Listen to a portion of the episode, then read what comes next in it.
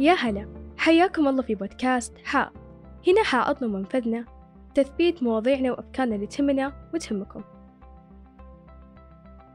هذا البودكاست برعاية مدارس التربية الإسلامية. كيف اختار التخصص الجامعي؟ ذكر الدكتور غازي القصيبي في كتابه الحياة في الإدارة. لا تذهب إلى العمل الجديد إلا بعد أن تعرف كل ما يمكن معرفته عن العمل الجديد. إما باللقاء ببعض العاملين فيه أو بالقراءة عنه أو بهما جميعا. اختيار التخصص الجامعي أو المهني من أكبر القرارات اللي ممكن نتخذها في حياتنا. بتوفيق الله يحدد مصيرنا ووظيفتنا المستقبلية. طبعا في حلقتنا هذا اليوم بتكون معنا مشاركة من الأستاذ سلطان الثاني اللي بيعرفنا عن المهارات الصلبة والناعمة وأهميتها لاختيار التخصص الجامعي. يعطيكم العافية. أولا أحب أشكركم على الاستضافة والدعوة الكريمة. أسعدني وجود بودكاست بمستوى عالي. عالي جدا من الاحترافية في الإعداد والتقديم وخاصة على مدرسة ثانوية آه هذه المبادرة سعدتني وطبعا هذا شيء غير مستغرب عليكم ويعكس طموحكم العالي أولا وثانيا مستقبلكم المشرق بإذن الرحمن أما بالنسبة لموضوعنا اليوم طبعا هو موضوع التخصص وكيف الواحد يختار التخصص الأنسب له واللي يمكنه من النجاح في المستقبل بإذن الله. قبل ما أدخل في موضوع التخصص أحب أعطي نبذة عن نفسي. أنا سلطان الثاري مستشار في وزارة الثقافة. تخرجت مرحلة بكالوريوس من كلية بوسطن في العلوم السياسية minor أو تخصص ثاني في economics أو الاقتصاد. واكملت رحلتي الدراسية في جامعة هارفارد في الماجستير بتخصص دراسات شرق أوسطية. وال focus أو ال concentration فيها كان على ال public policy أو السياسات أو التشريعات العامة في الشرق الأوسط. قبل ما أبدأ أتحدث عن موضوع التخصص اولا لابد إنه أنوه على إنه تخصصك ما راح يحدد نجاحك من عدمه. ونجاحك من عدمه لا يرتكز بأي شكل من الأشكال على تخصصك، تخصصك وشو؟ خلينا الآن ننظر لموضوع التخصص ونعرفه على أساس نسهل الموضوع لأنه أعرف إنه الحين وقت آه بالنسبة لكم في هذه المرحلة من ال من الدراسة موضوع التخصص هو شغلكم الشاغل. فخلونا ناخذ موضوع التخصص وكل الحمل اللي فيه ونبسطه لكم بشكل بسيط ونعرفه بجزئيتين. الجزئية الأولى هو محتوى يتعلق بالتخصص اللي أنت مقبل عليه، فمثلا ناخذ العلوم السياسية. من ناحية محتوى ممكن تركز في الفلسفة السياسية أو العلاقات الدولية أو ممكن أمن قومي. من هذه الناحية أو من هذا الشق راح تدرس أنت محتوى راح تحلله راح تفهمه راح, تستو... راح تستوعبه وراح تكون متمكن فيه مع مرور الوقت. الأمر الآخر أو الشق الآخر هي المهارات وهي الشق الأهم في تخصصك. لأنك راح تستخرج من تخصصك مهارات معينة مهارات على شكلين. الشكل الأول مهارات صلبة الثاني اللي هو أهم المهارات الناعمة. فبالتالي كل تخصص بلا استثناء سواء كان تخصص في العلوم الإنسانية أو في العلوم الطبيعية راح تطلع منه بمخرجات مهارات معينة سواء كانت مهارات صلبة أو مهارات ناعمة تساعدك في إنك تنجح وتكون لك اسم وتكون لك تأثير في هذا المجال اللي أنت اخترته. طيب فخلينا الآن نقارن المهارات الناعمة والصلبة وإيش أهميتها في نطاق اختيار التخصص الخاص بك. باختصار شديد المهارات الناعمة تتعلق وتتمحور حول الذكاء العاطفي، تحدد سلوكك وعلاقاتك مع الآخرين ومنهجك أو نهجك المتبع في الحياة والعمل، مثل مهارات التواصل، حل المشكلات، القدرة على اتخاذ القرارات، التفكير الناقد، التفاوض، احترافيتك في العمل، التنظيم والتخطيط، التفكير الإبداعي والابتكار وغيرها الكثير في الجانب الآخر المهارات الصلبة أو التقنية هي الخبرة والمؤهلات وكل ما يتعلق بالقدرات المعرفية للشخص واللي تمكنك من أداء مهام معينة مثل مهارات استخدام برنامج معين أو تحليل بيانات معينة من خلال برنامج معين. أو تعدل لغات وغيرها من المهارات اللي من شأنها تساعدك وتساهم في أداء مهمة في أداء مهمة معينة. طيب السؤال اللي يطرح نفسه وش أهمية ذكر إنه في مهارات صلبة وفي مهارات ناعمة وكيف هذا يتعلق بالتخصص والأهمية تكمن في أنه نجاحك المستقبلي راح يعتمد بشكل كبير على مهاراتك الشخصية. أي أنه مهاراتك جزء لا يتجزأ من نجاحك المهني مستقبلا. لذلك اختار التخصص اللي راح تستخرج منه. أكبر وأفضل كم من المهارات. الصلبة والناعمة ولكن الأهم طبعا الناعمة اللي راح تمكنك من أنك تكون متفوق في مجال العمل اللي حاب تنخرط فيه مستقبلا بإذن الله. طيب ليش يا سلطان أنت قاعد تذكر إنه المهارات الناعمة أهم وراح تشكل وتلعب دور أكبر في مستقبل سوق العمل وفي مستقبل آه، نجاح أي شخص. ليش؟ لأنه عدة دراسات سواء كانت من منتدى الاقتصاد آه، العالمي آه، جامعة ستانفورد مركز كارنيجي ميلن تشير إلى أن المهارات الناعمة أو أو ال soft skills قدرتك على تحليل مشكلة معينة في في السياسة العامة أو في غيرها. قدرتك على الإبداع قدرتك على التفكير الناقد والابتكار. هي اللي راح تميز بشكل كبير وبشكل أساسي الذكاء البشري عن الذكاء الاصطناعي في المستقبل. ومع آه، أتمتة الوظائف أو الاوتوميشن اللي آه، نشهد الآن آه، أهمية ومركزية المهارات الناعمة وقدرتك على إنك تتفوق في الذكاء العاطفي راح يشكل جزء كبير من نجاحك في مستقبل سوق العمل في أي تخصص كان وفي أي نطاق كان. خلينا ناخذ على سبيل المثال نوضح الصورة. بيت اعتبر نجاحك المستقبلي بيت. حلو؟ وهذا البيت أنت قاعد تبنيه من هذه المرحلة الدراسية المرحلة الثانوية عشرين ثلاثين سنة قدام. نجاحك من عدمه راح يرتكز على كمية أدوات البناء اللي عندك. أدوات البناء هي مهارات. وأكثر أدوات فاعلية في بناء بيت متكامل متجانس متماسك هي المهارات الناعمة. نظرا لل النقله النوعيه اللي قاعد نشهدها في آه، نطاق الاوتوميشن أو أتمتة آه، الوظائف. في نفس الوقت أحب أنوه إنه لا تنظرون للتخصص من منظور المهارات فقط، لابد يكون عندكم شغف للمحتوى اللي أنتم قاعد تدرسون فيه. نسأل نفسنا ليش؟ ليش؟ لأنه مهارات مهما تعددت بدون شغف يساوي إحباط خاصة على المدى الطويل لا قدر الله.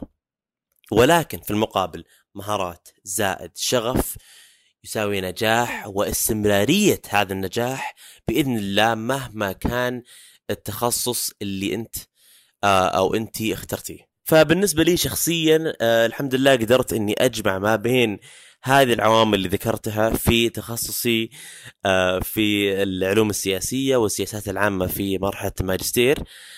ولذلك اخترت هذا التخصص وهذا التوجه لأنه الحمد لله وجدت فيه تقاطع هذه العوامل بشكل آه، يعود لي شخصيا بالفائدة ولكن الأهم من هذا يعود آه، لشيء أكبر مني وشيء أهم مني اللي هو التنمية الوطنية في المملكة العربية السعودية بالفائدة. وأسأل الله بإذن الله إنه أقدر أكرس العلم اللي تسلحت فيه. والخبرة والمهارات كلها آه لمسمى أكبر وهدف أكبر آه دائما وابدا. وأسأل الله إنه يوفقكم لاختيار التخصص الصحيح اللي يمكنكم من إنكم تكونون جزء من تغيير أكبر وهدف أكبر وأعمق من آه هدف شخصي بحت. وهذا الشيء راح يكون فيه المردود الأكبر لكم شخصيا آه ولوطنكم ولمجتمعكم بإذن الله. طبعا في عدة أسئلة ممكن واحد يسأل نفسه تساعده بشكل كبير في مرحلة العصف الذهني قبل ما يختار التخصص الأنسب له اللي يكون فيه موائمه ما بين الشغف الشخصي آه المهارات اللي راح يستخرجها من آه التخصص بالإضافة إلى أهدافه أو هدفه الأكبر أو غايته الأسمى في الحياة. اسأل نفسك إيش الهدف أو الغاية الأسمى اللي حاب إنه أكرس حياتي تجاه تحقيقها؟ الأمر الآخر إيش تأثير اللي حاب آه، أكونه أو أكون جزء منه في العالم من حولي؟ الأمر الثالث كيف ممكن إني آه، أوضع خطة لتحقيق هذا الهدف؟ والأهم من هذا إلى أي مدى أنا على على استعداد إنه أضحي لتحقيق هذا الهدف أو في سبيل تحقيق هذا الهدف أو الدافع الأكبر لي. والأجوبة على هذه الأسئلة راح تساعدك في إنه يكون عندك وعي ذاتي أكبر الأمر الأول. والأمر الثاني والأهم راح يساعدك في اختيار التخصص الانسب لك اللي يكون في آه، موائمه ما بين شغفك الشخصي آه، مهار- المهارات اللي راح تستخرجها من هذا التخصص بالإضافة إلى هدفك الأسمى والغاية الأكبر في الحياة اللي راح تستخرج منها مردود أكبر آه، المردود الأكبر من الرضا والقناعة الش- الشخصية آه، في سبيل تحقيق هذا الهدف. ختاما آه، أحب آه، أشكركم. وختاما شكر موصول لكل القائمين على بودكاست حائط.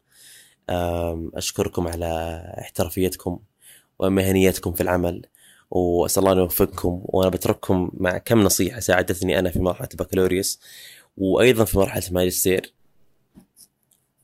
أعرف أنكم مقبلين على مرحلة جديدة ومرحلة بكل تأكيد بالنسبة لكم آه، قد يكون فيها الكثير من المخاوف والتساؤلات ولكن أحب اطمنكم إنها من أفضل وأمتع مراحل الحياة وبإذن الله مليئة بكل توفيق وسعادة وتفاؤل وعز وتمكين ورفعه لكم جميعا. طبعا بالنسبة لبعض الدروس اللي استخلصتها من وقتي في آه، في كلية بوسطن وحتى في في وقتي في ماجستير في في هارفارد أم، هي إنه ما في أي نجاح إلا متشكل من أجزاء صغيرة من الفشل فكونك تفشل في مرحلة معينة أو في مادة معينة أو في واجب معين هذا لا يعني فشلك كشخص أو فشلك ككل هذا فشل فشل مؤقت فشل جزء من نجاح أكبر بإذن الله. الأمر الآخر آه، هو الفرق ما بين آه، العمل بجد واجتهاد وجودة العمل نفسه. آه، درس استخلصته مع من خلال وقتي في الجامعة هو أنه جودة العمل هو أهم في بعض الأحيان. من كمية العمل. فلا بد أنك تركز على ال quality of work أو جودة عملك بقدر ما تركز على كمية العمل آه، how hard you work. الأمر الثالث هو أنه آه، لابد أنك تحافظ على نظرة إيجابية للحياة. كونك إيجابي لا يعني آه، عدم وجود سلبيات في الحياة أو تحديات. بالعكس كونك إيجابي يعني إنك ترفض الخضوع للسلبيات. والنصيحة الأخيرة هي الموازنة الموازنة الموازنة. لابد ما إنك توازن ما بين حياتك الدراسية صحتك النفسية آه، والبدنية بالإضافة إلى حياتك الاجتماعية إلى آخره. فعندك أكثر من عامل وأكثر من جانب في حياتك. الموازنة ما بينهم من أهم عوامل النجاح في آه، المرحلة الجامعية وما بعد المرحلة الجامعية. ومرة أخرى أحب أقول لكم يعطيكم العافية. وأتمنى إنه ما ثقلت عليكم وإنه مشاركتي عادت لكم جميعا. بالفائدة أسأل الله أن يوفقكم ويسهل عليكم وبإذن الله من نجاح إلى نجاح أكبر آه، في القريب العاجل بإذن الله.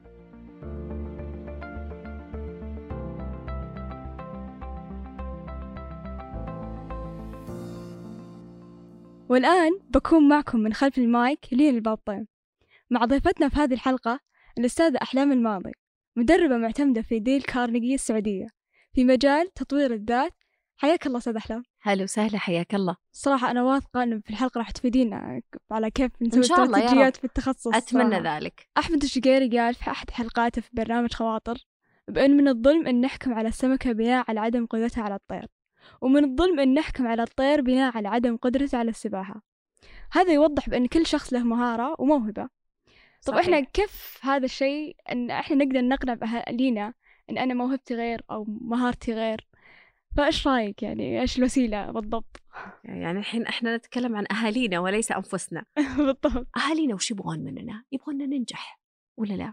أوكي. سواء ننجح في هالمجال ولا في هالمجال يبغون يشوفونا في الأخير أشخاص ناجحين في عملهم ناجحين بحياتهم سواء هذا المجال ولا هذا المجال. إحنا ممكن إنهم أحيانا يبغونا نحقق طموح معين عندهم لكن هو الموضوع مو إني أحقق طموح هم مجرد أهالينا ما يشوفونا ناجحين راح يشوفون طموحهم فينا فبالتالي بالحوار المفتوح وتوضيح مدى قدرتك على النجاح في هذا المجال راح تلاحظين تعاونهم بإذن الله معك طيب آه، هل أبني أنا اختيار تخصصي على أن هل في وظيفة مستقبلية له أو لا؟ إني أبني تخصص على وجود وظيفة طبعا هذا جزء كبير من التخصص تمام؟ هل أنا فعلا أبي وظيفة في الأخير؟ ولا أنا أبغى أفتح لي مثلا عمل خاص؟ ولا أنا أبغى أسوي شيء معين مشروع لي مثلا؟ تمام؟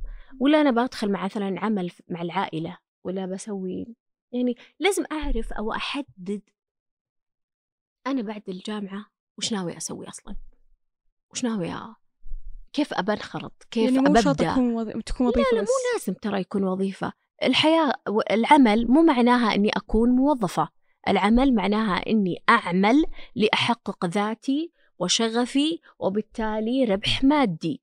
تقوم عليه آه، بقية يعني مجمل حياتي. أما أني أحدد أمر معين إن ما بعد الجامعة هو اللي أنا لازم أكون وظيفة فيه لا أنت هنا تحقرين نفسك جدا.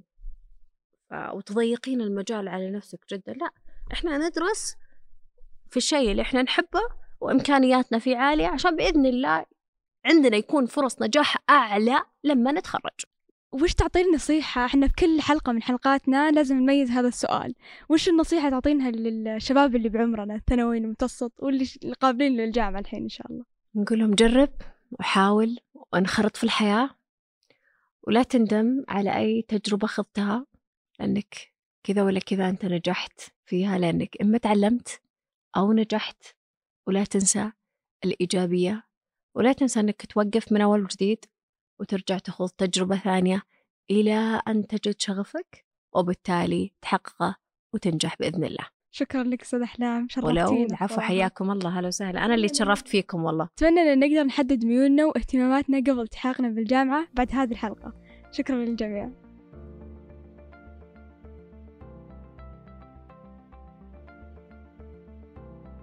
نلتقيكم في الحلقة القادمة من بودكاست حائط. لا تنسون تقييم الحلقة ومشاركتها مع من تحبون. ونسعد بمتابعتكم لنا عبر وسائل التواصل الاجتماعي الموجودة في وصف الحلقة.